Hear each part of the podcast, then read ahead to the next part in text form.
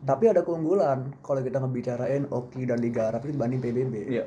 Karena kalau kita ngomongin Oki sama Liga Arab, ya kita kan berharap kalau lembaga ini tuh punya ya at least suatu hal yang gak dimiliki oleh PBB dan itu adalah kesatuan dalam pandangan dan itulah yang mensukseskan boykot minyak 1973 ketika digerakkan oleh Raja Faisal.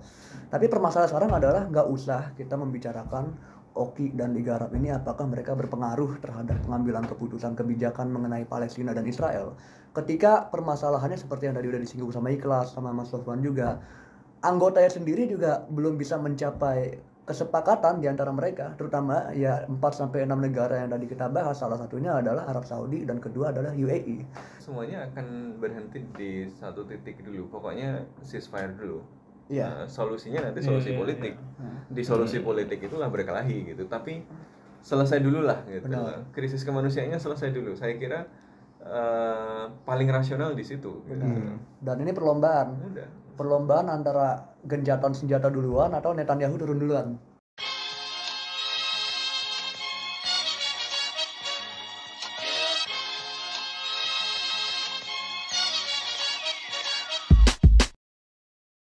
Selamat datang kembali di podcast Bebas Aktif season ketiga episode ke-14. Ada gue Raffi, Ikhlas, dan Mas Sofwan juga. Dan kali ini kita kedatangan pengamat Timur Tengah dengan titel amatir. Dia pengen dibilang amatir sih. Cuman kalau lihat dari Twitternya sih cukup cukup cukup ahli ya. Cukup amatir. Bayu Muhammad Nur Arasi. Selamat datang Bayu Kenal di semuanya. podcast Thank you, Bebas thank you. Aktif. Diundang Oke. ke Bexual. Ahlan wa sahlan. Ahlan wa sahlan. Ahlan wa sahlan. Udah S1 di Ilmu Politik UI. Aman. Nah, dulu di kelas Iya. sangat aktif ya soal Timur Tengah. Jadi kita undang sini buat ngobrolin soal yang baru aja terjadi karena di kelas sangat aktif soal Timur Tengah tuh ya.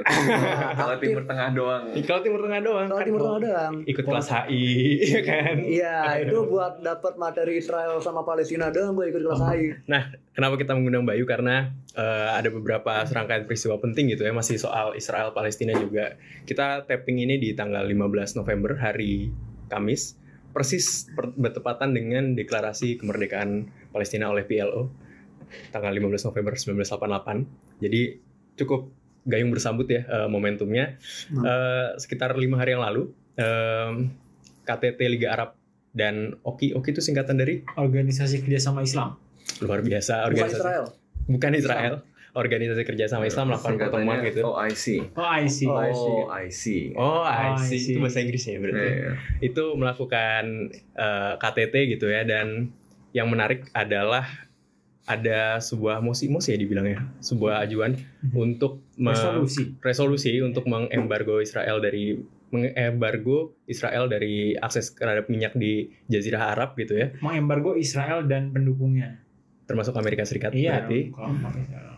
yang walaupun resolusinya diajukan tapi ternyata ditolak oleh sejumlah negara-negara Arab gitu ya salah satunya salah duanya ada Arab Saudi ada Uni Emirat Arab Yordania juga dan beberapa negara Arab lainnya dan juga di rangkaian peristiwa berikutnya adalah ada Presiden Jokowi yang setelah hadir di OKI juga bertemu dengan Presiden Biden di Amerika Serikat eh, membahas banyak hal salah satunya membawa pesan katanya dia membawa pesan dari uh, Presiden Palestina Mah- Mahmud Abbas juga membawa pesan dari negara-negara OKI kepada Presiden Biden yang nanti akan kita bahas juga apa aja sih yang dibahas sama Pak Jokowi. Tapi sebelum itu uh, follow subscribe subscribe di bawah ini YouTube kita kontekstual uh, karena podcast bebas aktif juga udah hadir di YouTube dengan konten-konten lainnya. Follow juga sosial media kita di @kontekstualcom dan follow juga Nanti aja. Lelo. Lelo. Lelo aja. apalagi Leilo dia menjelang tahun politik biar biar bisa lebih biar biar Iya. bisa lincah dia di, di Biar underground rekam ya. digital aman dikit ini. Oke, eh, kita mulai aja get to the gist of it gitu. Apa yang terjadi kelas di OKI dan Liga Arab ini? Kenapa negara-negara Arab ini yang kalau kita di Indonesia mungkin melihatnya wah negara-negara Arab ini pro Palestina sekali gitu ya. Cuman ketika ada resolusi yang ingin merugikan Israel dan sekutu-sekutunya justru ditolak mentah-mentah. Iya. eh, mungkin sebenarnya bukan ditolak mentah-mentah ya, karena kan hasil dari dua eh, KTT, dua forum yang berbeda ini sebenarnya kan ada eh, Liga Arab dan OKI. Gitu. ya. Ini kan dua organisasi yang berbeda. Tapi kenapa Indonesia ikut di sana? Karena juga Indonesia bagian dari OKI kita. Oke. Kita negara mayoritas Islam, tapi Oke. bukan negara Islam ya. Bukan, bukan beda lagi. Dua hal yang berbeda. Betul. Nah, Iya. tapi uh, dari dari kata saya tersebut ada hasilnya yakni tetap mengecam uh, apa namanya kejaman Israel dan juga menuntut gencatan senjata gitu kan. Oke. Nah, tapi yang menjadi hal yang ditolak gitu kan karena kan uh, kayaknya kalau level penolakan gitu udah well deserved lah dari negara-negara Arab dan mayoritas Muslim gitu. Cuman uh, ada beberapa proposal menarik gitu yang kemudian ditolak yang kemudian sebenarnya buat beberapa pihak kayaknya bisa menambah leverage gitu loh untuk kemudian Israel uh, mengakhiri serangannya di Gaza. Hmm. Nah, yang di antaranya adalah uh, memutuskan hubungan diplomatik gitu ya, karena seperti yang kita tahu ada beberapa negara yang punya hubungan diplomatik dan yang baru bikin juga gitu Hmm. beberapa negara. Dan yang OTW bikin dan yang OTW bikin, tapi kan OTW bikin belum jadi permasalahan. tergantung siapa yang menang 2024. Oke, oke. Tapi sebelum itu ya selain itu juga kita ini ada juga terkait eh, embargo minyak juga terhadap tadi Israel dan terhadap para pendukungnya gitu kan yang mungkin membuat kita ada sedikit eh, episode historis kayak dulu juga pernah gitu Hmm. kejadian Pernah pernah. yang sama karena kan ini bukan eh, perang Israel pertama gitu terhadap eh, warga Palestina maupun Kodu bahkan dengan negara-negara eh, yang juga bertetangga dengan Israel gitu kan. Ya. Nah, tapi ternyata ini lebih ke sebatas eh, apa namanya pernyataan aja, eh, tidak ada leverage material yang digunakan dan ini yang kemudian membuat oh, beberapa orang Hmm. kecewa gitu. Oh harusnya Benar, mungkin negara Islam, negara-negara Arab tuh bisa melakukan sesuatu yang lebih Hmm. gitu. Ya, sebenarnya kalau dibilang eh, nggak nggak ada apa-apa juga nggak juga gitu ya iya. karena kalau dihitung dari kerasnya pernyataan sebenarnya lumayan keras dan ada beberapa poin yang eh, menurut saya juga sebenarnya cukup penting ya. Seperti misalnya eh, call untuk prosecutor di ICC ICJ untuk mulai mendokumentasikan eh, kejahatan Kejahatan perang. kejahatan perang yang Iya, dilakukan oleh Israel dan juga memandatkan sebuah tim legal dari eh, OKI eh, dan negara-negara yang berminat untuk kemudian Lawyer nih, lawyernya nih. lawyer gitu ya Lawyer untuk kemudian mengumpulkan bukti-bukti gitu ya. Kemudian menegaskan eh, sikap soal eh, bahwa Palestina tetap merupakan isu yang sentral dan tidak ada stabilitas di Timur Tengah tanpa eh, kemerdekaan Palestina Oke. eh, menurut batas 1967 gitu ya menurut saya meskipun Sesudah Ini nggak- perang enam hari iya. ya mas. meskipun ini nggak konkret secara uh, material tadi yang dibilang uh, ikhlas tadi betul juga, tetapi ini pernyataan politik yang juga penting karena ada kecenderungan dan salah satu yang kemudian dis- diduga menjadi penyebab dari uh, serangan uh, Taufan Al-Aqsa itu kan salah satunya adalah bahwa ada kekecewaan terhadap negara-negara Arab yang dianggap Hmm. telah meminggirkan eh, perjuangan Palestina begitu kan Eh, sehingga ya itu eh, ketika pemerintah sayap kanan Israel yang dipimpin Netanyahu semakin melakukan berbagai kebijakan yang membuat solusi dua negara tidak mungkin eh, tapi negara-negara eh, Arab malah sebagian kemudian membuka hubungan diplomatik jadi ini dianggap eh, merupakan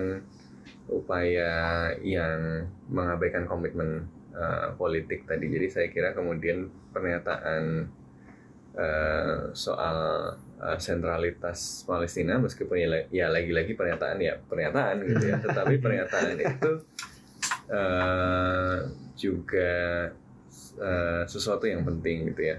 Eh, nah, eh, tapi yang tadi prosekutor tadi menurut saya eh, hal yang menarik untuk kita lihat ya.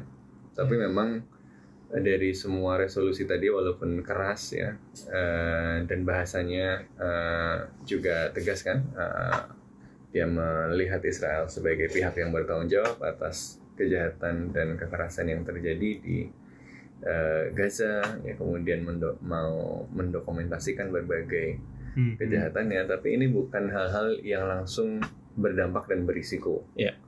Ini kan kebanyakan sikap politik, kemudian sikap legal, Iya. dia sesuatu yang aman. Dia kelihatan keras tapi aman. Ya, win-win gitu, win-win. Eh, yang nggak nggak yang out of the box gitu lah yang nggak kemudian eh, berdampak besar. Tapi memang eh, dulu kan sebenarnya pernah ada yang embargo ya tahun Betul. 1973 ketika eh, Suriah dan Mesir pada waktu itu eh, menyerang eh, Israel Ya.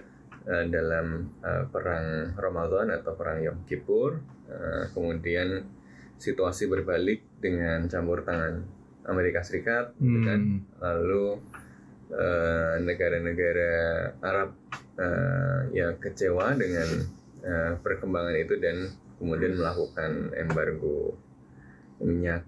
Nah, tapi situasi dunia kan eh, berbeda sekali ya. Dulu Arab Saudi motornya Liga Arab eh, dan negara-negara Teluk di dulu dipimpin oleh raja yang menjadikan agenda penyatuan negeri-negeri Islam, negara-negara Muslim sebagai agenda untuk ekspansi pengaruh. Gitu. Oke. sekarang eh, beda, eh, Beda kalkulasi strategiknya lagi. Beda, Eh, beda. sebenarnya sama-sama kalkulasi strategik, tapi eh, apa? eh, dulu misalnya kelompok-kelompok Islam di beberapa negara eh, Arab yang lain itu ditampung juga di Saudi kan, Eh, karena Oh, iya, iya. dianggap sebagai eh, aset yang penting untuk kemudian nanti eh, menjadi pengaruh bagi Saudi jadi soft powernya Saudi. Tapi kemudian kita melihat ada perkembangan yang signifikan setelah eh, ya kematian Raja Faisal kan ya. Hmm. Eh, kemudian eh, ya kita melihat kebijakan Arab Saudi eh, dan orientasi politik luar negerinya sedikit eh, berubah gitu ya kalkulasi strategiknya berubah dan ya ini membuat embargo memang eh, tidak palatable untuk pemimpin-pemimpin eh, Timur Tengah eh, Yang sekarang. gitu ya Hmm. karena ada kalkulasi soal Iran, Iran. ya Hmm. eh, yang kemudian membuat mereka butuh misalnya mendapatkan security insurance dari Amerika Serikat dan ya diversifikasinya ke lawannya Iran yang lain yaitu Israel gitu kan jadi eh, ya mereka harus walking a fine line gitu ya antara membuktikan kepada publiknya bahwa Palestina tetap penting eh, harus tetap menunjukkan bahwa kami ini bukan eh, sold out gitu ya, Hmm. bukan Iya. apa namanya, bukan orang yang Pengkhianat dan lain sebagainya, ya, ini kan. pengkhianat dan macam-macam. Tapi pada saat yang bersamaan dia juga harus eh, memasukkan eh, kalkulasi-kalkulasi yang sifatnya pragmatis tadi itu, gitu ya. Sehingga ya titik komprominya, winsetnya adalah pernyataan yang keras, deklarasi politik yang tegas, tetapi yang yang harganya nggak Hmm. terlalu mahal. Hmm. Iya, Tapi iya. sebenarnya kalau dilihat kan eh, dari negara-negara di Liga Arab itu mayoritas sebenarnya menyetujui pendukung eh, iya. mosinya. Jadi cuma Yang ada lima negara lima kan, enam negara yang Empat Lima- sampai enam negara lah. lima negara yang yang menolak ya kita semua tahu lah Tahu. lima negaranya yang mana Negara- saja. negara bling. Masalahnya Iya. lima negara ini Iya, adalah iya. negara-negara yang eh, ya regional powers-nya lah Hmm. yang kemudian membuat ya nggak bisa pas kalau negara-negara ini eh, nggak approve. Tapi ya ini developing, ini situasi yang terus berkembang ya. Benar. Eh, kayak kalau kita lihat perkembangan di PBB kan menarik lihat eh, apa eh, resolusi Security Council soal eh, Gaza ini kan sudah beberapa kali diajukan dan berkali-kali Iya. diveto dan ada beberapa perkembangan ya kan Rusia mengajukan nggak nggak pas cuma 9 negara nggak cukup untuk Hmm. dibawa Hmm. Terus eh, nanti eh, apa ada yang lain yang mengajukan kemudian diveto sama Amerika Serikat Ya. dan seterusnya sampai yang terakhir karena akhirnya Amerika Serikat cuma abstain Iya iya. iya. Eh, Iya. jadi eh, apa ya situasinya berkembang terus dan eh, menurut saya semakin lama eh, sebenarnya tekanan untuk menghentikan kekerasan yang dilakukan oleh Israel ini akan semakin besar ya apalagi Ya. apa eh, serangan ke rumah sakit yang dijustifikasi dengan luar biasa itu kemudian berakhir dengan eh, anti klimaks kan Di- iya. apa video-video bukti yang diberikan tidak menunjukkan di- adanya kehadiran Hamas di, situ. diketawain kan karena Yang nemuin laptop Eh. itu ya nemuin laptop Kalender, fotonya fotonya iya. foto pasukannya sendiri gitu loh Jadi terus Lupa di blur, Bo. dihapus dulu terus baru dimunculin Iya, lagi terus apa senjata-senjata yang ya masa headquarter senjatanya begitu gitu Hmm. kan Nah, ditaruh di Alias minimal ganti humas lah dia. Astagfirullah. Jadi, eh, apa ya anti klimaks sekali karena Iya, iya. tadinya kan dibilang akan ini markasnya Udah bikin animasi 3D ya. Animasinya bagus sama kayak animasi Amerika punya waktu nunjukin markasnya Bin Laden di Di kan? gunung-gunung. Heeh. nah itu yang kemudian eh, menurut saya tekanannya akan lebih Hmm, hmm. besar karena tentu eh, publik yang menyaksikan yang kemudian melihat ya pasti akan eh, mendorong tekanan yang lebih luas kan Eh, partainya Biden kan baru di shut in kan apa kantornya sama Hmm. Iya. generasi mudanya Demokrat gitu ya walaupun eh, tadi ada keberjarakan eh, antara elitnya dengan Grassroots mungkin ya. grassroots yang muda-muda terutama Eh, itu bahasan kita minggu lalu. Bahasan kita bisa dicek juga episode kita Mantap. tapi episode ya 13. tapi eh, ya ini berubah terus gitu ya situasinya. Jadi eh, yang di PBB yang di OIC eh, menurut saya juga terus berubah. Kalau situasinya makin tinggi eskalasinya saya kira akan ada tekanan untuk membuat sesuatu yang lebih konkret gitu ya. Hmm. karena ya concern utama negara-negara ini apa sih sebenarnya semuanya eh, at heart adalah regime survival ya. Oke. kenapa nggak mau ngambil risiko terlalu besar cost yang terlalu besar? Karena dia butuh Amerika Serikat untuk jadi security umbrella supaya apa? Supaya dia bisa survive rezimnya tapi kalau dengan dia begitu kemudian eh, publiknya eh, tekanannya besar sekali eh, nanti coba bayangkan Mesir itu kondisi ekonomi buruk ya. Dia hanya bisa bertahan karena supply duit dari teluk Amerika. gitu ya dari Amerika Dari- dari teluk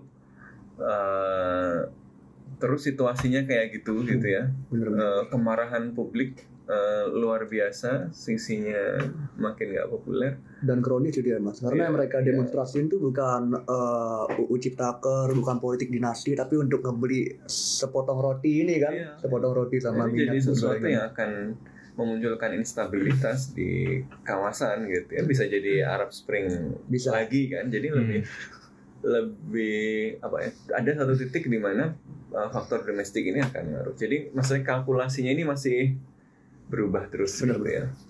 Tapi tadi kita ngobrolin apa eh, pernyataan keras, terus ada eh, resolusi untuk eh, membuat embargo gitu kepada Israel dan sekutu-sekutunya. Tapi emangnya Liga Arab sama Oki ini seberapa seberapa ngaruh sih mereka ngomong keras tuh siapa yang emang didengerin gitu. gimana ya PBB aja maksudnya ya gitu gitu. Cuma apalagi Oki dan Liga Arab. tapi ada keunggulan kalau kita ngebicarain Oki dan Liga Arab itu dibanding PBB Iya. karena kalau kita ngomongin Oki sama Liga Arab ya kita kan berharap kalau lembaga ini tuh punya ya at least suatu hal yang gak dimiliki oleh PBB dan itu adalah kesatuan dalam pandangan dan itulah yang mensukseskan boykot minyak 1973 ketika Hmm. digerakkan oleh Raja Faisal. Tapi permasalahan sekarang adalah nggak usah kita membicarakan Oki dan Liga Arab ini apakah mereka berpengaruh terhadap pengambilan keputusan kebijakan mengenai Palestina dan Israel. Ketika permasalahannya seperti yang tadi udah disinggung sama Ikhlas sama Mas Sofwan juga, anggotanya sendiri juga belum bisa mencapai kesepakatan di antara mereka terutama ya 4 sampai 6 negara yang tadi kita bahas salah satunya adalah Arab Saudi dan kedua adalah UAE. Ya balik lagi memang ada statement yang kuat, balik lagi memang ada pernyataan yang cukup untuk menunjukkan kalau mereka masih peduli dengan isu Timur Tengah dan isu Israel dan Palestina specifically. Tapi ya statements are statements. Iya. Itu sama kayak kita ngomong ke pacar kita I love you tapi di balik layar gitu kan kita melakukan hal-hal yang tidak menunjukkan sikap I love you itu Ya, sebagai tapi analogi tetap, gitu tapi tetap ngomong I love you penting Tetap ngomong I love you itu. Tapi itu nggak ada artinya gitu kan, nggak ada artinya, nggak ada bukti konkret untuk menunjukkan kalau kita emang beneran sayang sama ini barang gitu masalahnya. Eh, di sini kita ngelihat ya emang eh, Ini problematik 19 nih saya sama ini banget. gue nggak jadi mau highlight loh tadi. lanjut lanjut. 1973 itu kan bisa berhasil karena ya pada saat itu eh, perjuangan Palestina melawan imperialisme Israel masih diportray bahkan oleh Raja Faisal yang Hmm. dia itu bukanlah seorang republikan bukan seorang revolusioner tapi seorang monarki gitu kan Iya. Islam. Ya Raja Faisal dan negara-negara Arab bahkan seperti eh, pada saat itu udah Anwar Sadat ya kalau nggak salah. Itu masih punya kesatuan pandangan kalau perjuangan Palestina itu masih merupakan kepentingan nasional kita. Di mana Palestina belum merdeka atau ya merdeka dalam bentuk two state solution or whatever ya kita tidak akan bisa merasakan kalau bangsa Arab itu sebenarnya merdeka. Tapi permasalahan sekarang adalah national interest itu berkembang. Iya. berkembang juga kita bisa mengatakan ini kesalahan Israel ini juga doingsnya negara Arab tapi juga yang mungkin menarik dan juga kontroversial untuk dibahas adalah kesalahan pergerakan Palestina itu sendiri ketika mereka berhubungan dengan beberapa negara. Sebut saja Yordania sama Lebanon gitu. Kita membicarakan moralnya Yordania karena Yordania ini kan merupakan salah satu negara yang kemarin menolak resolusi. Mhm. moralnya dan seharusnya kalau kita mau pakai hati, Yordania itu mendukung Palestina dengan cara salah satunya menyepakati resolusi yang kemudian didraft pada saat OIC Summit bersama dengan Liga Arab. Tapi kita juga tidak bisa melupakan beberapa hal salah satunya Palestina pernah bikin masalah di Yordania. Black September 1973 Hmm. ketika pejuang Palestina yang eh, terusir ke wilayah Yordania itu juga memiliki sentimen republikan, sentimen revolusioner untuk eh, sekalian kita membebaskan Palestina, kita juga membebaskan rakyat Yordania ini Muluk-muluk dari cengkeraman ya. monarki. Jadi ini eh, selain merupakan isu perjuangan, tapi untuk beberapa negara perjuangan Palestina itu juga sekarang menjadi a political liabilities. Tapi Yordania menurut gue itu cukup eh, beruntung ya karena kalau kita ngelihat Lebanon sebagai contoh kehadiran PLO di perbatasan selatan Yordania eh maksud eh, gua Lebanon dengan Israel itu menjadi tidak aman karena Israel punya alasan untuk melakukan serangan ke dalam wilayah eh, Lebanon untuk membasmi Hamas eh bukan Hamas membasmi PLO pada saat itu. Nah, ini kan kita membicarakan eh, keamanan nasional Yordania dan juga Lebanon Hmm. yang mungkin saja terancam apabila mereka menyepakati suatu resolusi politik yang kemudian merugikan Israel dan juga bersamaan posisinya dengan pejuang Palestina. Tapi itu historisnya. Sekarang yang kita tahu kan Abraham Accord, Abraham Accord ini juga menghasilkan beberapa kesepakatan antara negara-negara yang terlibat di dalamnya. Dan yang gue tahu Yordania itu juga semakin mengencangkan hubungan dagangnya gitu dengan Israel. Salah satunya dengan mengekspor listrik-listrik yang kemudian diproduk- diproduksi di ladang pasirnya Yordania oleh panel surya dan itu dikirim ke Israel. Nah sekarang pertanyaannya adalah apakah ongkos yang kemudian eh, kerugian yang kemudian disebabkan oleh pemutusan hubungan dagang Hmm. antara Israel dan Yordania ini sepadan untuk memperjuangkan kemerdekaan Palestina. Ini kan juga menjadi suatu perhitungan-perhitungan baru yang eh, kemudian menyulitkan negara-negara Arab, Arab ini untuk Ada apa namanya? Interdependensi. Iya, interdependensi. Ini Jadi dari serba Iqbal diuji ini ada nih. serba salah juga gitu kan. Nah ini kita baru ngomongin Yordania sama Lebanon. Kalau kita ngomongin UAE, rudal dari Iran itu lebih real daripada kita ngomongin rudal Israel yang di apa namanya ditembakkan ke arah Gaza meskipun keduanya itu adalah Ya, tragedi karena tapi dari sudut pandang nyerang ke nggak bakal nggak bakal nyerang ke Saudi nggak bakal nyerang ke UAE bahaya yang dirasakan oleh UAE karena kehadiran Iran itu lebih terasa daripada bahaya yang mereka rasakan dari Israel. Dan itu juga kembali lagi menjadikan pertimbangan-pertimbangan negara-negara yang tadi menolak itu cukup sulit dalam memutuskan perkara ini Nah ini dugaan-dugaan liarnya kenapa kok Jokowi yang diutus Karena Indonesia yang paling nggak memiliki beban dengan Israel dalam hal mengutuk dan mengecam mereka di forum internasional gitu Iya. Dan kebetulan APEC juga. Kebetulan APEC juga. Ya, Dan negosiasi Freeport juga. Ya, benar. Eh. jadi ketiadaan hubungan diplomatik itu leverage. Oh, Berkebalikan menarik, dengan menarik. orang-orang yang mengatakan Indonesia harus membuka hubungan dagang Bisa nunjuk-nunjuk. dan juga diplomatis dengan Israel. Benar, benar, benar. Iya kan? Menarik, analis menarik. Ya. Oke, Iya. jadi jadi tadi kan ya emang terkait eh, apa tadi bukan hubungan diplomatik sebagai sebuah liability. Dan tapi big picture-nya itu satu nih karena menurut gue eh, ya to put it in context ya berarti ya selain eh, persoalan Palestina Hmm. a lot is going on in the Middle East gitu kan. nggak on cu- in the nggak Middle cuma Palestina. Nah sementara misalnya eh, tentu ada maju mundur juga dalam perjuangan kemerdekaan rakyat Palestina tapi ada hal-hal lain yang berjalan gitu kan. Kayak kemudian ya Israel uh, mulai membuka hubungan politik dan ekonomi dengan negara-negara lain yang ternyata itu menjadi liability gitu kan. Dan hal yang main gue highlight juga yang uh, mungkin berkembang kalau kita tarik time frame dari 1973 itu kan semakin banyak factionalism juga gitu di Hmm. Timur Tengah. Sekarang kan kalau dulu mungkin kita ya subjeknya kan PLO gitu dan kita uh, dan kayaknya rasa-rasa uh, semangat pan Arabisme itu masih lebih kuat gitu. Masih kan. lebih kerasa. masih lebih kerasa. Sementara Membara itu. sekarang kan dari aktor Najib itu udah sensitif gitu kan. Iya, kita iya. bicara Hamas. Oh Hamas ini didukung Iran. Oh Arab Saudi nggak suka Hamas. Oh Ah. Hamas dianggap dia bagian dari gerakan Islamis. Nah gitu-gitu kan yang kemudian Iya. bikin pertimbangan-pertimbangan uh, kelompok seperti itu yang kemudian banyak orang yang kemudian juga merasa dirinya berafiliasi dengan kelompok-kelompok tersebut jadi mikir lagi gitu loh. Kayak apakah yang dianggap kemudian sekarang ini uh, worth buat dibela gitu kan? Sebenarnya yang dilihat kan Hamas. Tadi dilihat kayak jangan-jangan gue lebih mendukung Hamas gitu kan Nah. atau kayak gimana? Dan uh, yang menjadi pertimbangan-pertimbangan itu yang kemudian menyulitkan dari dari apa namanya semua negara-negara Arab sih ya terutama ya bukan uh, di Oki. Kalau kita kan mungkin nggak terlalu uh, ribut soal Oh, hal itu. enggak. tapi uh, itu yang kemudian menjadi mengalihkan perhatian dari perjuangan kemerdekaan rakyat Palestina Benar, benar. yang sebenarnya gitu kan. Dan juga dari uh, kecenderungan mereka untuk kemudian untuk ya sebenarnya leverage sesuatu yang lebih serius meskipun menurut gue tendensi itu masih ada ya di Hmm. beberapa negara selain Iran tapi Iran kan emang sekarang uh, lagi nggak ngekspor banyak ke Barat ya Uh, tapi ada Bukan juga kayak kemarin tuh enggak bisa. nggak bisa ya Uh, dan tapi ada juga yang kemarin tuh kayak Emir Qatar gitu kan yang katanya mau stop ekspor gas kalau Qatar waktu itu ke seluruh dunia jadi mungkin karakter dari penguasa-penguasa juga gitu yang Iya, udah beda-beda. yang agak beda Faktor gitu idiosinkratik. Hmm. faktor idiosinkratik Bahasa gitu. bahasa kerennya ukuya ukuah Islamnya agak Oh. tergoyahkan ini bos. Nggak tergoyah. banyak factionalism dan sebagainya jadi menurut gue ada ya ada faktor-faktor itu juga Berarti kalau dari kalian bertiga tadi sebenarnya semak untuk negara-negara Arab ini ya Iya. semakin tidak rasional untuk membela the Palestine Palestinian cause ya sebenarnya. Eh, tadi rasionalitas itu selalu bounded.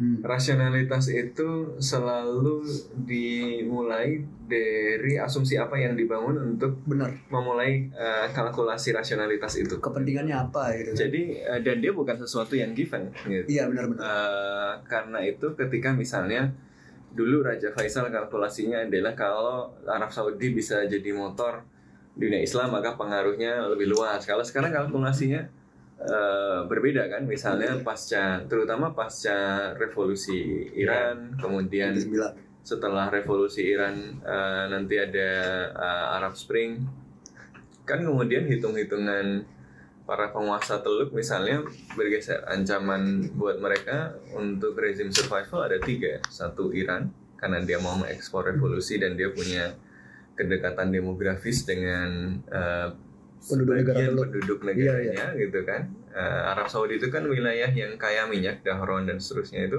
isinya banyak orang Syiah gitu Hmm. Persia mungkin ya. kalau bisa diaktifasi jadi loyalitasnya ke Iran agak agak repot Bahaya. Makanya kemudian Dan itu pernah terjadi ya mas waktu Arab Spring itu. ya jadi eh, dilihat satu Iran kemudian eh, apalagi dulu sempat stabil lama karena Irak sempat dikuasai sama Saddam Hussein. Karena Amerika Serikat itu kan bikin urusan ribet di Timur Tengah karena dia kemudian menjatuhkan Saddam Hussein, Saddam Hussein jatuh, yang naik eh, milisi-milisi eh, Syiah yang Dan Sunni juga. eh, kemudian ya, Sunni ada tapi kan Syiah yang kuat Mayoritas ya di situ. Nah, karena mayoritas di situ tadinya Sunni yang berkuasa jadi dia bisa jadi tadinya dia minoritas tapi berkuasa jadi bentengnya jadi sebelum sampai ke Teluk zaman Iran itu sudah dibendung dulu sama Di Irak. Di- Irak Oh iya iya iya benar-benar. tapi setelah Irak nggak ada ya langsung eh, berhadapan dengan itu terus Iran makin eh, makin terlihat sebagai ancaman kemudian eh, yang kedua adalah gerakan-gerakan Islam ya Ikhwan terutama eh, Ikhwanul Muslimin di Mesir gitu Dari ya Mesir. Eh, Turki juga. Tunisia, ya, yang kemudian setelah proses demokratisasi kelompok-kelompok ini yang naik karena mereka yang selama masa diktatorial Hmm. mereka yang bisa membangun mobilisasi apa layanan publik dan seterusnya Benar-benar. gitu ya. Eh, kemudian yang ketiga adalah media masa gitu kan Nah. kayak Al Jazeera. Top Al Jazeera. Hmm.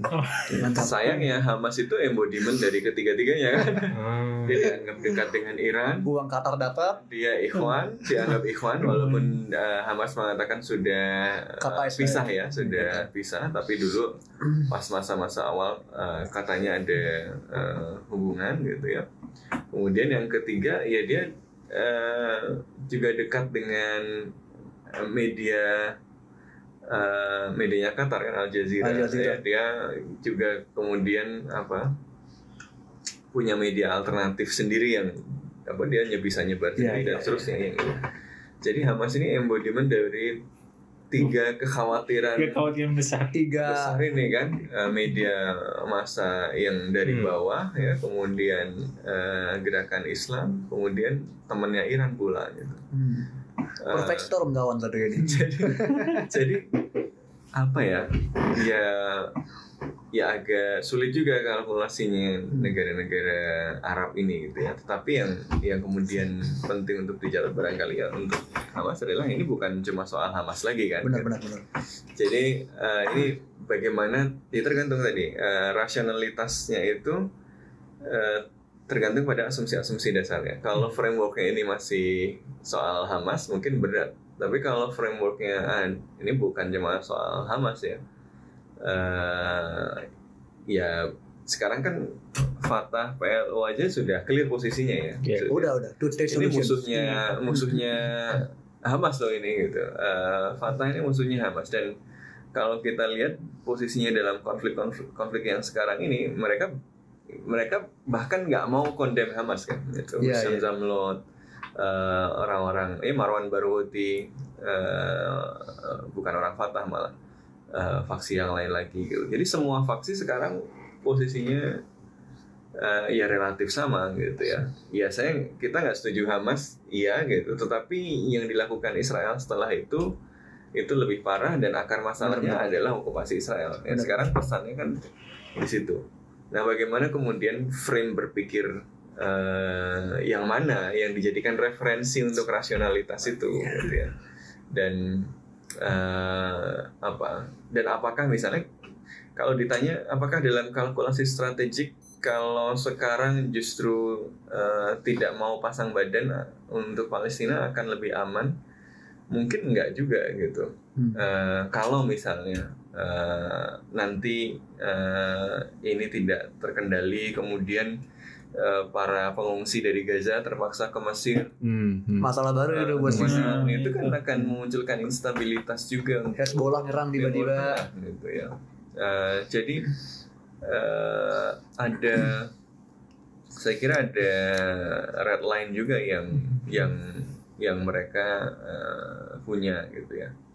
Jadi eh, ada faktor eh, keengganan membantu Hamas tadi ya karena pertimbangan eh, soal regime survival tadi dan ya Hmm. bahwa Hamas itu embodiment dari tiga ancaman eh, untuk regime survival tadi tapi juga karena eh, tapi juga ada kalkulasi-kalkulasi lain jadi semua kalkulasi ini nggak nggak simple Bener, bener, bener. arahnya ke mana ini em, masih saling terus berinteraksi.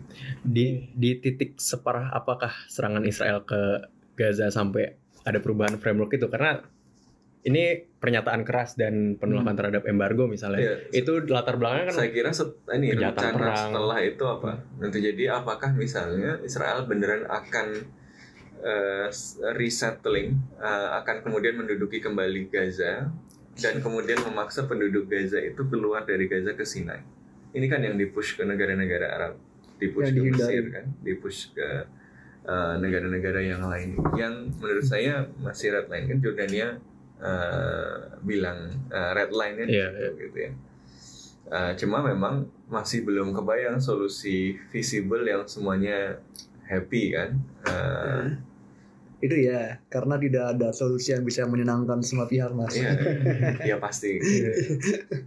berarti ti- titik titik temu apa ya? Titik komprominya mungkin ya yang bisa di dieksplor adalah soal Kalau pengungsi tadi. Kalau menurut saya semuanya akan berhenti di satu titik dulu. Pokoknya ceasefire dulu. Iya. Nah, solusinya nanti solusi Iya, iya, politik. iya. Di solusi politik itulah berkelahi gitu. Tapi selesai dulu lah gitu. Benar. Krisis kemanusiaannya selesai dulu. Saya kira eh, paling rasional di situ. Gitu. Dan ini perlombaan, Udah. perlombaan antara genjatan senjata duluan atau Netanyahu turun duluan. Hmm. Iya. Karena di Israel juga ditekan ya dia. Iya, Tapi bagus juga dua-duanya. bagus juga dua-duanya. Emang nggak dua-duanya sekalian ya? Kalau bisa dua-duanya boleh gitu kan. Tapi emang ini barang ala carte ini. Iya. Harus pilih salah satunya dulu. Ada yang dulu. Karena emang Tadi ya Lapid udah mulai ngomong ya, Netanyahu mulai harus ngomong. turun kan. Tapi udah mulai ngomong. Hmm. Iya iya iya tapi sebenarnya menurut gue tadi uh, speaking of rasionalitas ya uh, ya kayaknya mungkin tergantung tadi kayak faktor idiosyncratic mungkin kalau dulu kalau uh, sekarang ya mungkin apakah pemimpin-pemimpinnya itu yang kemudian terlalu eh terlalu apa ya ya makan asam garam politik di Timur Tengah itu banyak dinamikanya terutama dengan faktor-faktor eksternal atau ya uh, mungkin faktor-faktor yang dulu nggak tahu rasional gitu I don't I, I can't say kalau benar-benar misalnya embargo 1973 Ya karena itu dulu kan masih pada baru merdeka, Iya. suasananya relatif Masih sama, pada- masih Iya. ada solidaritas Iya. Semangat membara ya. Arab, Jadi kan mereka Arab, belum- Arab Saudi sama Nasr tahun 1950-an tuh kayak PKS waktu abis Orba pak. Girohnya masih Gerasi semangat tinggi ya. Iya. tinggi. karena belum ini Ibaratnya juga yang politik banget kan ketika mengelola negara kemudian mulai ada perdagangan mulai ada itu Iya. mulai kompleks gitu urusannya Benar, benar, benar. mulai ribut sama tetangga gitu perumahan baru kalau awal-awal kenal masih akur gitu Si kan akur. Tapi Iya, dulu nanti masih- lama mulai mulai ngerti hidup. Iya. Aduh.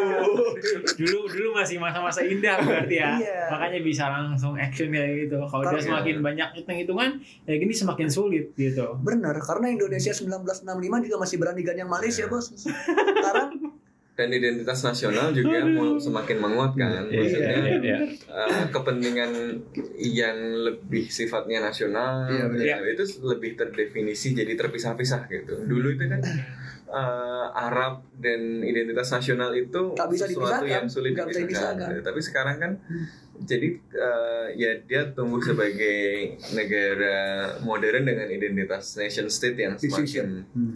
yang kompleks. semakin entrenched gitu kan. Eh, dan sebagai nation state itu entrenched hubungan internasionalnya juga semakin kompleks gitu ya bener-bener. Ya, jadi eh, kalkulasinya memang kemudian jadi beragam tapi ini juga menunjukkan lagi bahwa rasionalitas itu eh, historical Historical. Benar. Eh, rasionalitas Benar, benar, itu benar, sesuatu yang historis nanti kalau misalnya jangan-jangan solusi Palestina itu adalah kita melampaui Westphalia ini kita ribut soal eh, Itu benar, itu menarik. Itu menarik. identitas nasional siapa yang Itu penting menarik. jangan-jangan nggak perlu identitas nasional gitu Iya. misalnya gitu Soalnya masalah Yang penting di- orang-orang merdeka damai di situ Hmm. gitu kan bisa makan kebab Ya, gitu kan walaupun kita- sore hari.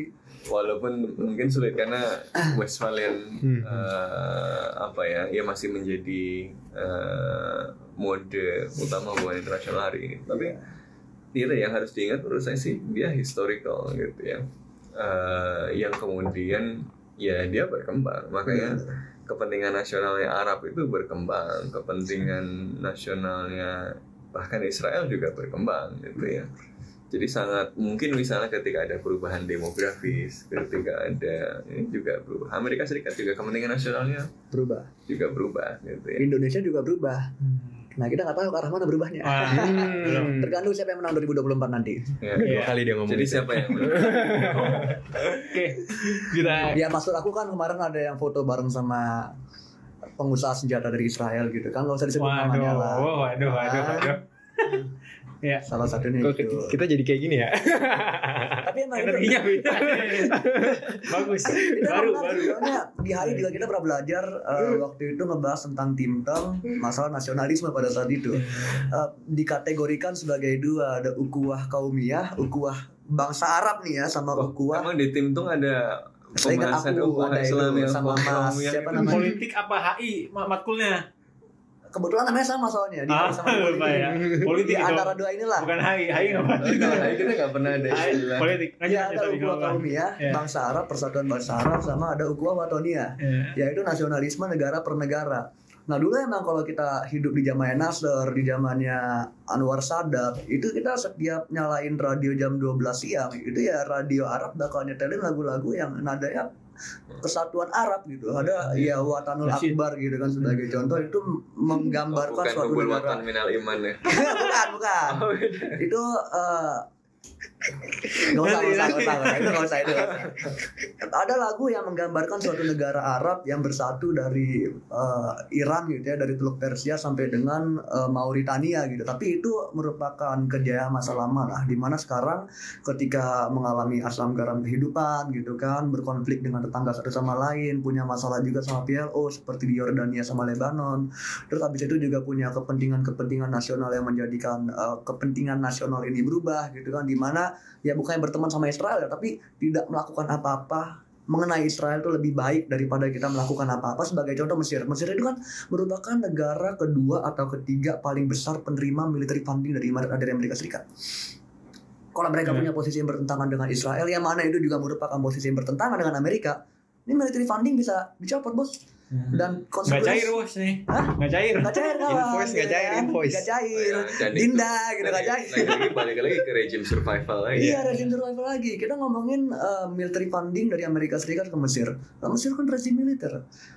Pajak mereka nggak cukup buat ngedanain aparatus militer mereka yang cukup kompleks untuk menjaga kestabilan dan juga keamanan di Mesir kan. Kalau duit Amerika nggak turun gitu kan, nggak turun nih Dinda gitu kan, hancur sih. Iya nih. Ini contoh yang pertama gitu Ini kan. bantuan militer Amerika Serikat ke Israel lebih dari 3,8 billion sebenarnya. Iya, tapi kalau di statistik di bawah Israel itu Mesir.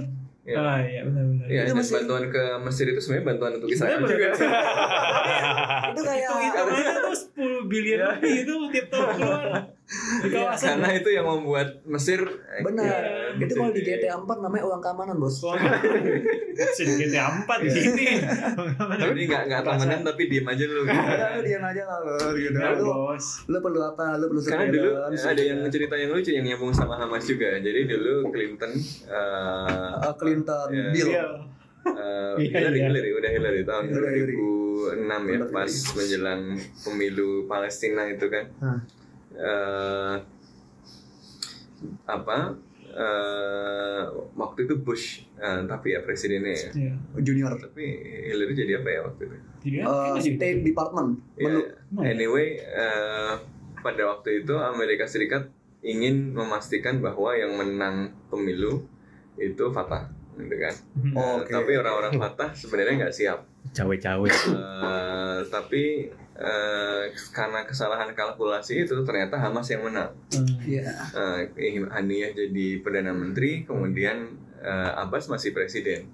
Ini sebelum Uh, perang sipil pecah di Gaza. Sebelum, ini ceritanya nyambung sama perang sipil. Oh iya. Karena kemudian Amerika Serikat tidak mengakui Hamas, Abbas dipaksa untuk kemudian membubarkan pemerintahan Iya, yang iya, dibuat sama Hamas. Tapi Abbas ini semusuh-musuhnya sama Hamas. uh, Hamas, dia nggak mau perang saudara awalnya kan. Oh, iya. Makanya dia menunda-nunda sampai ada cerita itu si Condoleezza Rice itu datang Oh, minta minta Abbas segera bikin uh, perang sama uh, Hamas si Abbas itu masih mikir-mikir terus malah disuruh ngobrol lama akhirnya nggak jawab nggak jawab jawab disuruh buka puasa dulu. Jadi lagi Ramadan terus buka dulu. Kita lagi iftar lagi kita lagi iftar kurmanya. iftar. lagi puasa gitu jadi setelah lebaran ya kita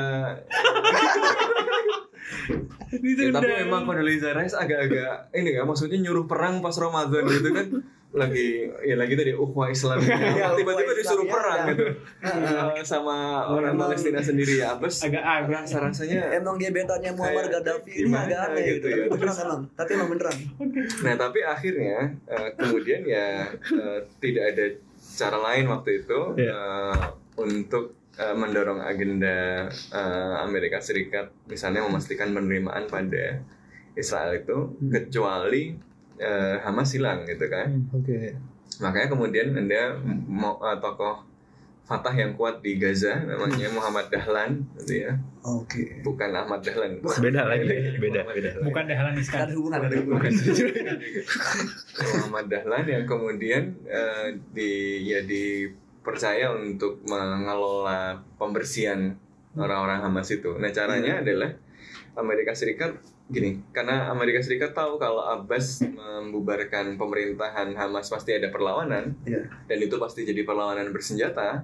Pasti. Eh, sementara eh, Fatah meskipun pada waktu itu pegang eh, militernya Palestina sehingga sebenarnya lebih besar pasukannya dan macam-macam tapi kan militansinya udah eh, berbeda dia dikasih jaminan senjata Tapi ini lucunya, eh, jaminan untuk disuplai senjata tadi kan harus dapat izin dari Kongres. Hmm. Wah. Sama Kongres nggak diizinkan Kocak. karena Oke. nggak di sama Kongres nggak diizinkan karena ini nanti bisa dipakai PLO Israel. untuk melawan Israel. Hmm. Ya dia musuhnya Hamas iya, tapi musuhnya Israel juga gitu kira-kira gitu. Ini sama kayak kasusnya kontras juga waktu dia mereka. Nah ini, nah terus ya udah kalau begitu caranya gimana? Caranya adalah masukin lewat Mesir. Oh iya. Jadi senjata-senjatanya nanti Lewat di dibeli apa dibelikannya diproduksinya sama Mesir nanti Mesir yang ngasih jadi yang ngasih bukan Amerika Serikat Iya. yang ngasih adalah Mesir Serial number bukan punya Amerika ya deh. Se- serial numbernya yang Mesir karena Mesir, Mesir, yang kan? bikin akhirnya Ah. bikin senjatanya Hmm. jadi dia ngerakit apa meriam-meriam macam-macam dan itu yang kemudian sekarang membuat Hamas justru lebih kuat karena Iya. senjata-senjata yang disuplai lewat Mesir oh, pakai duit Amerika Serikat untuk kemudian memperkuat Fatah untuk membersihkan Hamas. Ini ternyata di luar kalkulasi eh, malah menang Hamas. Dan Hmm. senjata-senjata yang disuplai Amerika Serikat Jatuh. lewat Mesir tadi malah jatuh ke tangan Hamas. Sama kayak ini dong kayak kasus Taliban dapat pampasan perang waktu Amerika cabut Iya, dari iya, ini Afghanistan. Iya jadi ada Emang kalkulasi giveaway US ini. Iya emang giveaway.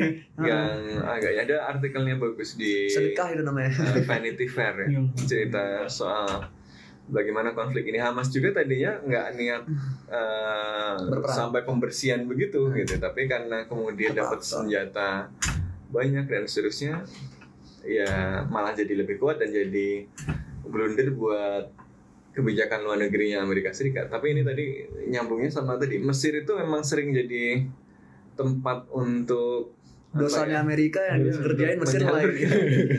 untuk melakukan hal-hal kotor yang nggak bisa dilewatkan Amerika Serikat. Ya kan Amerika Serikat itu kan mau ekspor senjata, mau apa ya harus harus Persetujuan izin juga kalau Kongres. Dan kalau di Timur Tengah harus ada persetujuan Israel Hmm. untuk apa senjata teknologi teknologi tercanggih jualan pesawat itu kan harus Iya benar. lapor dulu karena kalau perimbang ini walaupun sekarang Arab Saudi kelihatan bersahabat nggak ada yang jamin kalau dia kuat terus jadi masih bersahabat gitu kan Hmm. Amerika Serikat nggak percaya Hmm. juga gitu jadi eh menurut saya kalkulasi gini apa MBS MBZ eh, itu dianggap misalnya sudah bersahabat dengan Israel nggak juga gitu itu kalkulasi dingin aja cold calculation Benar. aja yang mungkin dalam jangka panjang kalau dia sudah tumbuh dan sudah ini ya berubah lagi sikapnya gitu jadi eh, ya eh, apa karena itulah Amerika Serikat nggak bisa juga sama- alainya ngasih Iya. sama Saudi ngasih senjata yang terlalu canggih juga karena dia butuh menjaga deterrence Israel dia Benar. butuh Strategic menjaga advantage ini. dia Iya, butuh iya. menjaga jarak yang jauh antara kekuatan militer Israel dengan semua tetangganya walaupun tetangganya itu kelihatan sama Amerika Serikat baik-baik ya tetap nggak dikasih tetap pasti yang dikasih yang nah ini yang bikin Saudi frustasi kan karena untuk menghadapi Iran dia butuh senjata yang canggih. Yang ya saya butuh senjata yang Lebih canggih eh, daripada itu. yang lebih daripada yang sekarang dikasih. Dan jaminan yang lebih. Tapi kalau dia dikasih sesuatu lebih dari itu Israel nggak mau dong karena nggak merasa aman nanti mereka. jadi jaraknya sedikit gitu kan jadi ya hubungan cinta segitiganya rumit sekali Iya Arab Saudi, sama Israel Amerika itu Heeh, kan Arab Saudi sama UAE ini kayak senyum karir bahasa di Axelnya nih kan ke Amerika. Senyum karir. Oke. Peace, minta senjata lawan Iran gitu kan. Oke. Oke, eh, Salah. bicara senyum karir juga ada yang habis senyum karir juga sebenarnya. Pak Jokowi baru Pak saja Jokowi. ketemu Joe Biden gitu ya dan katanya dia senyum membawa karir itu. senyum presiden Karirnya mau ke mana lagi? karirnya sudah Karirnya sudah puncak. dua-duanya dan masih akan panjang gitu ya. Eh, sampai mana gue tadi? Ya, senyum Jokowi. karir Jokowi, Karir. Jokowi, Jokowi, Biden. Jokowi bertemu Joe Biden dan katanya membawa pesan dari dari negara-negara oki dan Iya, termasuk eh, Mahmud Abbas gitu kelas. Tapi apakah benar? Karena dia datang ke Amerika kan bukan cuma buat ngomongin isu Palestina kan iya, ke Biden. Utamanya bukan itu bahkan. Utamanya bukan itu. Utamanya cuma bukan kebetulan Kebetulan aja. lagi Iya. kebetulan kebetulan dikasih lagi pesan. ketemu terus eh lu besok mau ketemu kan ya Iya. Eh, nih. Ini sama ini sama kayak ada tiga sahabat gitu kan. Yang satu lagi berantem gitu kan. Yang satu pengen ketemuan, yang satu ini yang berantem sama yang ini. Jadi mediator. salah, gitu, salah. Kurang lebih begitu lah. Nah, berarti kalau konsepnya begitu, se sesignifikan apakah pesan yang dibawa Jokowi? Terus dia ngomong ke Biden, itu untuk mengubah kondisi yang saat ini gitu. Iya, sebenarnya kalau kita bicara signifikan seharusnya signifikan gitu ya. Iya, Karena kan harusnya. berarti uh, perkataan Jokowi itu ya carry the weight of uh, 1, berapa miliar orang gitu kan Iya, yang merupakan negara anggota koma sekian miliar orang di OKI plus Indonesia sebagai pivotal state dan Iya, Iya. great power rivalry in Amerika Cina gitu. benar. Mitra benar. potensial untuk menghadang Jinping lah bos. Ya, nah ya, jadi kan ha- seharusnya uh, itu jadi Seharusnya. sesuatu yang uh, cukup Seharusnya ya. berbobot gitu kan Seharusnya. untuk disampaikan kepada Biden dan didengarkan gitu. Tapi kalau dari respon Biden sendiri nyatanya enggak gitu. Respon Biden tuh kayak gimana Langsung sih? dipotong pak. Oh, iya? Ngomong Mr. Presiden. I would like tapi kalau menurut Langsung gue dialihin. eh, respon yang seperti itu ya wajar lah. Wajar, Maksudnya ya. posisi Kenapa? formal dia sebagai presiden Amerika Serikat begitu, Iya. nggak mungkin dia membuat pernyataan Benar. yang kontradiktif dengan pernyataan-pernyataan yang lainnya dulu. Iya, iya, Tapi kalau gue mungkin eh, terlalu percaya diri dan terlalu percaya pada Pak Jokowi. Enggak. Tapi dalam hal ini menurut gue eh, posisi sebagai presiden Indonesia yang membawa mandat dari OIC dan itu pasti ada dampaknya. Jadi Iya benar. eh gini loh, diskusi di gue membayangkan kalau gue di State Department, Hmm. yang di State Department itu seratusan pegawainya aja udah Bener, kirim bener. protes Bener, gitu bener. ya. Kayak Anthony Blinken kan. Eh, kemudian Hmm. eh, demonstrasi pro Palestina besar minta ceasefire ya dan seterusnya dan seterusnya. Terus ada negara yang dalam kalkulasi strategik paling penting yaitu persaingannya dengan Cina tiba-tiba ngomong tolong dong begini gitu. Benar, benar. Menurut gue sih itu kalau eh, akan menjadi faktor gitu ya. Benar-benar. Iya, tapi kalau menurut gue uh, the way it is being delivered gitu kan, dan itu juga kenapa responnya ngebahas Jokowi kedinginan habis itu benar-benar apa? uh, ya kan kisah ya apa? uh, ibaratnya kan ada dua wisata yang berbeda gitu kan. Tapi emang karena terlalu jauh dan emang Jokowi juga lebih act of itu bukan diskusi itu penyampaian pesan Iya, gitu iya. kan jadi kayak Iya, iya. dan emang emang not the moment to negotiate ceasefire atau Betul. gimana Balik lagi itu buat utamanya mereka. Jokowi pergi ke Amerika juga in the Iya. first place gitu kan. Iya. Ini pesan aja. Tip uh, tipsen lah gitu. Ya, ini ada titipan dari teman-teman nih gitu. Iya. Iya. Bro, Jadi- ini kawan-kawan bro gitu kan. Jadi Minta lebih kayak tolong. gitu aja gitu. Hmm. Bahkan nggak kayak diterima dengan baik gitu kayak ya udah. Iya, Tapi sebagai deal gitu. Tapi sebagai statement Benar-benar. itu akan masuk dalam kalkulasi. Iya, Statement lagi, tapi- lagi-lagi. Tapi statement itu punya weight kan, political weight.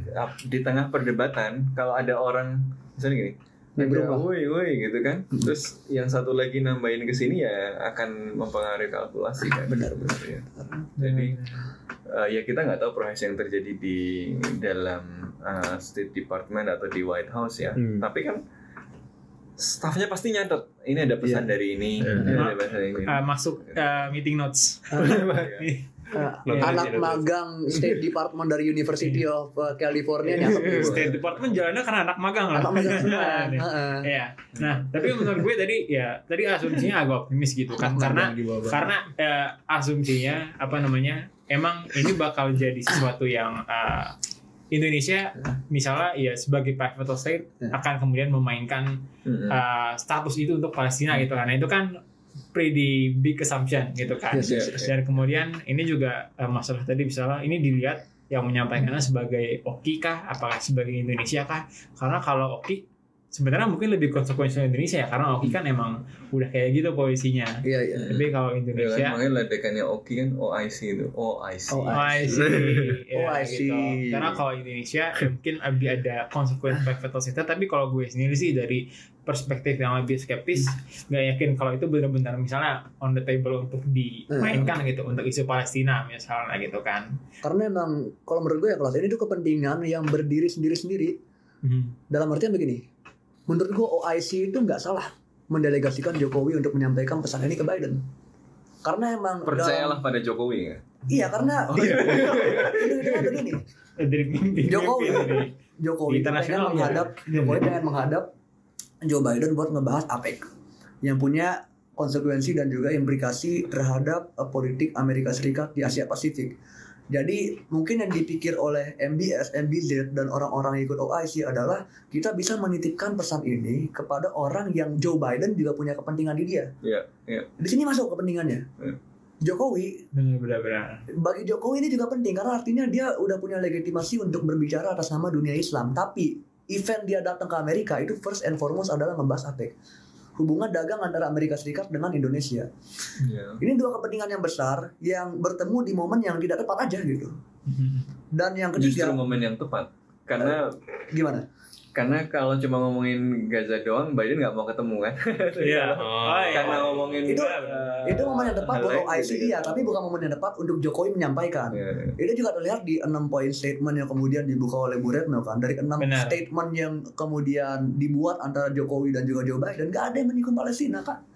Itu APEC, comprehensive partnership buat perdagangan, Yes, dan yang baik. mungkin kalau Tapi pengen ada paragraf khusus acknowledgement terhadap eh, apa yang di eh, press release-nya White House tuh. Ada acknowledge kedua kepala negara juga menyampaikan sikap nasional masing-masing tentang Iya. persoalan sangat Nah, diplomatis. Benar. iya. Timur Tengah. tapi kalau di lain itu Yang kan maksud- sama dengan FYI. FYI, gue ngomongin nih masalah Palestina sama Israel nih, Pak, gitu. Tapi nggak masuk ke resolusi. Nah, Jadi balik lagi OIC doesn't make uh, ya keputusan OIC di sini itu cukup benar uh, matang.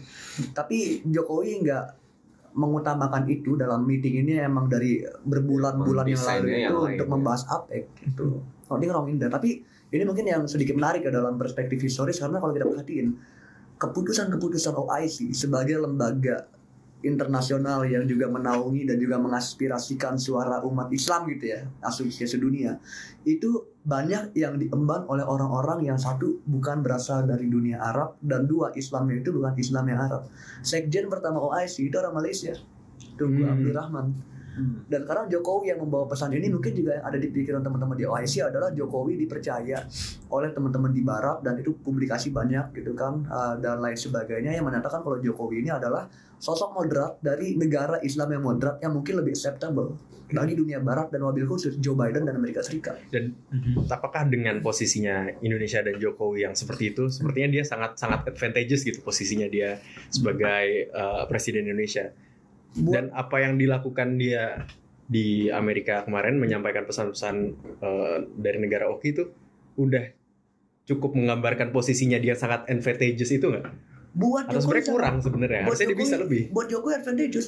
Dia dapat legitimasi. Dia dapat street credential untuk membicarakan diri sebagai pre- street, street credential untuk membicarakan diri sebagai perwakilan dari dunia Islam.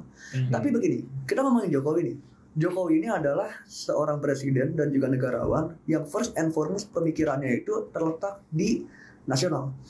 Jadi Iya. kalkulasi dia adalah kalau gue melakukan sesuatu, termasuk juga tindakan-tindakan dalam forum internasional, dampaknya ke eh, situasi gua maupun ally gua di ranah politik domestik itu seperti apa gitu. Hmm. Dan isu Palestina ini kan isu bipartisan. Dalam artian Jokowi nggak perlu ketemu sama Joe Biden, Jokowi nggak perlu menyuarakan diri itu pro Palestina. Semua partai, semua lini masa itu pasti setuju sama isu Palestina. Hmm. Itu nggak menambahkan value added gitu. Ke apa namanya posisi Jokowi dalam perpolitikan domestik Indonesia. Itu juga mungkin yang bisa menjelaskan kenapa kok uh, penyampaian Jokowi ke Joe Biden masalah ini itu tidak terlalu ditekankan ketika dia berkunjung ke Washington DC. Benar, benar, benar. Ya, ya ini mungkin kalau gue agak sedikit ini ya eh, menyimpulkan karena tadi kan ya kayaknya kita ada sedikit perdebatan apakah ini eh, matters atau enggak. Tapi kayaknya dari konklusi tadi sebenarnya ada pengaruhnya gitu. Ada. Jokowi eh, Ya, menyampaikan. ada cuma seberapa besar Iya, Iya. ada sih ada.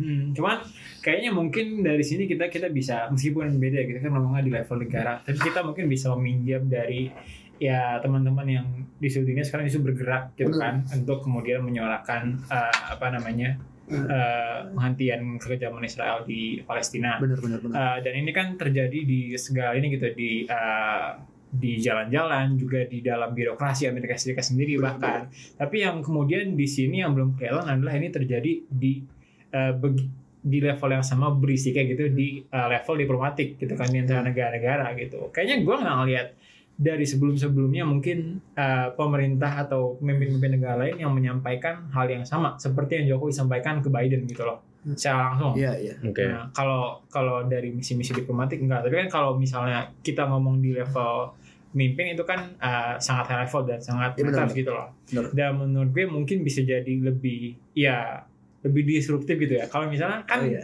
Biden tuh ketemu selalu ketemu mimpin uh, negara lain lah setiap Hmm. bulan gitu. Hmm. dan juga di forum-forum lain yang mungkin not necessarily terkait dengan masalah uh, Palestina ini tapi ini bisa terus-menerus di brought up gitu dan mungkin itu yang penting ketimbang cuman uh, satu orang Jokowi nyampaikan selesai gitu kan Hmm. Harusnya ini justru juga jadi sesuatu yang continue. Statement kalau cuma jadi sekali itu kelihatan itu statement cuma formalitas. Tapi statement kalau kita ulang-ulang dan di mana kita angkat terus Ya. kelihatan kalau Ya. itu uh, penting bagi kita. Atau bahkan itu kepercayaan kita gitu yang benar-benar. Jadi ya kita mesti lihat dari negara-negara oke ini bakal kedengaran terus gak nih di forum-forum Ah, selanjutnya? Apa cuman di atas kertas sekali itu aja Bener, gitu. Ya, makanya tadi saya juga uh, percaya bahwa uh, statement itu ya statement, tapi Statement, statement, statement. yang diulang-ulang itu Hmm. bobotnya berbeda dengan Bobotnya statement berbeda. yang cuma sekali doang gitu kan. Jadi makanya tadi uh, ya I love you cuma I love you, tapi uh, soal ngomong I love you atau nggak ngomong itu bisa mempengaruhi Oke. sustainability dari Iya. hubungan. Gitu. Iya, iya. Jadi ngomong I love you sering-sering penting ya. Bener. Ah, sering. Eh, nasihat dari uh, orang tua. Cuma yang namanya harapan kan juga harus dipertahankan dengan tindakan yang nyata di betul, jalanan. betul. Luar biasa. Betul. Luar biasa ini. Eh, tapi tetap harus diomongin. Harus diomongin. Jadi eh, dan, dan sebenarnya kalau justru tadi oh, yang diomongin sama Biden sama Jokowi sebenarnya banyak lebih banyak gak nyambung sama itu ya. Ya memang. Tapi konteks yang diomongin sebenarnya apa sih? Apa sih yang diomongin? Yang diomongin kan eh, comprehensive partnership. Iya. Eh, tapi di situ itu sebenarnya apa sih eh, crux of the matter-nya adalah membangun presence dan eh, Amerika Serikat yang lebih kuat di kawasan dan kemudian membangun hubungan Indonesia dan eh, Amerika Serikat yang lebih kuat. Kalau dalam kacamata Amerika Serikat konteksnya apa? Great Power Rivalry. Benar. Kira-kira gini. dengan Beijing. Eh, makanya isinya apa? Eh, isinya satu eh, proyek-proyek yang sifatnya kerjasama ekonomi, JITP, ya, kerjasama eh, grid, ya, kemudian ada yang jelas sangat berkaitan sama persaingannya dengan Cina kan, semiconductor Hmm. Oh iya iya. eh, Ya, apa ya, ya. value chain ya. Bener-bener. Eh, kemudian politik jelas ada maritime security itu siapa lagi yang disasar Eh, kecuali eh, eh, Cina, Cina. kan di laut Cina Selatan. Kemudian yang ketiga eh, people to people. Nah semuanya itu kan sebenarnya kalkulasinya apa? Ya kalkulasinya adalah eh ya perilaku Amerika Serikat sebagai kekuatan status quo yang terkadang oleh kekuatan revisionis yang kemudian membutuhkan eh, dukungan atau setidaknya eh, posisi yang bersahabat dari sebuah negara pivotal. gitu. Hmm. Yang ini adalah posisi yang harus dimanfaatkan dengan cerdik oleh Indonesia. Dulu Indonesia itu kan akhirnya dapat merdeka karena bisa mem- mempengaruhi kalkulasi great power politics ini. Bener bener Hmm. bener bener. Amerika Serikat itu tadinya oke-oke aja duitnya dipakai sama Belanda. Marshall Plan itu duit, sebagian duitnya sama Belanda dipakai buat membiayai agresi militer Ya. di Indonesia. Jadi Iya. disebutnya sebagai aksi polisionil kan karena ya orang-orang Indonesia itu kan para pengacau keamanan, Iya. teroris gitu ya. Eh, jadi kalau dulu sudah juga. ada berita mungkin oh, itu rumah sakitnya ada pejuang republik gitu, ada ada teroris republik gitu kira-kira. Eh, tapi eh, ya itu yang kemudian eh, membuat sebenarnya posisi Indonesia kan nggak menguntungkan. Tapi ketika kemudian Indonesia bisa memainkan kalkulasi great powers eh, bahwa kalau nanti ternyata perjuang Republik ini nggak kalah-kalah ya walaupun kecil tapi nggak kalah-kalah nggak bisa diklaim sebagai gerombolan pengacau keamanan saja. Dan kalau kita salah di sini nanti malah jadi pro Soviet gitu kan? Hmm. Ya kalau gitu Belanda lu kan nggak penting-penting amat ya di Eropa ya. Lu diam aja bisa nggak sih? Daripada gue kehilangan eh, apa eh, ruang pengaruh yang penting di Asia Tenggara eh, lu bisa diem nggak? Gitu kira-kira gitu kan. Akhirnya eh, ya akhirnya Belanda terpaksa mengakui kemerdekaan Indonesia. Kenapa? Karena kalkulasi great power politicsnya berhasil dimainkan oleh Indonesia untuk mendapatkan dukungan eh, kemerdekaan. Jadi posisi yang sama kan sebenarnya begitu. Dukungan Israel itu apa kekuatan Israel itu sangat berkaitan dengan posisi hegemonik Amerika Serikat. Ah, ya. Dan posisi- Another important point. Dan posisi Amerika Serikat sebagai hegemon ini sekarang tidak berada dalam situasi yang given. Bener. Sedang tidak baik-baik saja. Jadi eh, apa ya? Ya kalkulasinya itu eh, sedikit banyak akan dipengaruhi oleh posisi struktural ini kalau Indonesia bisa mengeksploitasi eh, celah ini gitu. Jadi kan tergantung apakah Indonesia mau memainkan celah ini untuk Palestina atau enggak gitu ya. Iya, iya. Ya sebenarnya kan kalau ngomong scope kita ngomong hegemoni Amerika Serikat ini kan menarik juga karena menurut gue relevan. Nah bisa di apply juga gitu logika yang mirip. Cuman mungkin kita scope-nya lebih luas nih. Kita misalnya ngomong ya kita global south gitu kan. Ya. Nah dan sekali lagi ini bukan leverage yang kayak harus material gitu kan karena kan itu pasti sulit. Tapi kemudian kalau kita menunjukkan ya pernyataan-pernyataan yang kalau ah, karena so far kayaknya belum keluar gitu loh dari dari uh, pemimpin-pemimpin internasional uh, apa ya mungkin to be exactnya agak agak sulit dicerna atau gimana tapi kemudian uh, tentang hukum internasional gitu kan Iya, yang iya. pasti ini ini berlaku kepada siapa gitu kan apa kita kemudian masih uh, harus percaya kepada ini kepada hukum internasional. Nah itu kan sesuatu yang menjadi uh, Justif- pertimbangan. justifikasi normatif Amerika Serikat mengkonten China adalah ini adalah ancaman untuk Hmm. uh, liberal international order yang basisnya Iya, iya. adalah hak asasi manusia, kebebasan dan Mereka macam-macam seperti gitu itu. kan. Tiba-tiba eh, Israel begitu dibiarin aja. So which Iya. liberal international order allows army uh, with nuclear gitu ya untuk untuk kemudian melakukan serangan kepada masyarakat seperti itu kan. Iya, Jadi iya, iya. makanya kan orang men- menyandingkan misalnya sikap pada Rusia yang Ya. benar benar. Iya, itu iya. kayak gitu kok.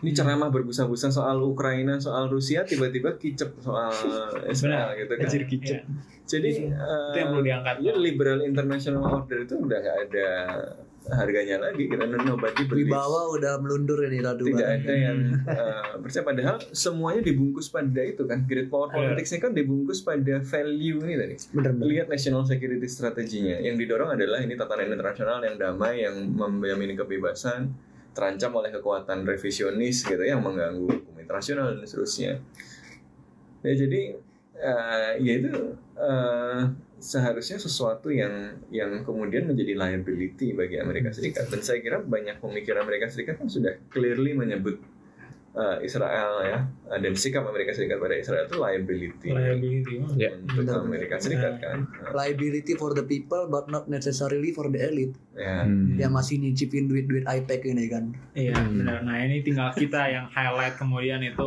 pada elit-elit yang masih terbutakan karena itu. Ya kita nyampein ke elit Indonesia negara-negara- sulit, lu pengen nyampein elit ke Amerika gitu kan. Iya. ya enggak kan kita udah ini Palestina. Oh Palestina. ya udah bukan bukan tinggal, pasar ya. tinggal framing aja gitu lebih ke tadi international law dan global international order yang yang nggak sustain kok kayak gini cara mainnya. Oke. Gitu.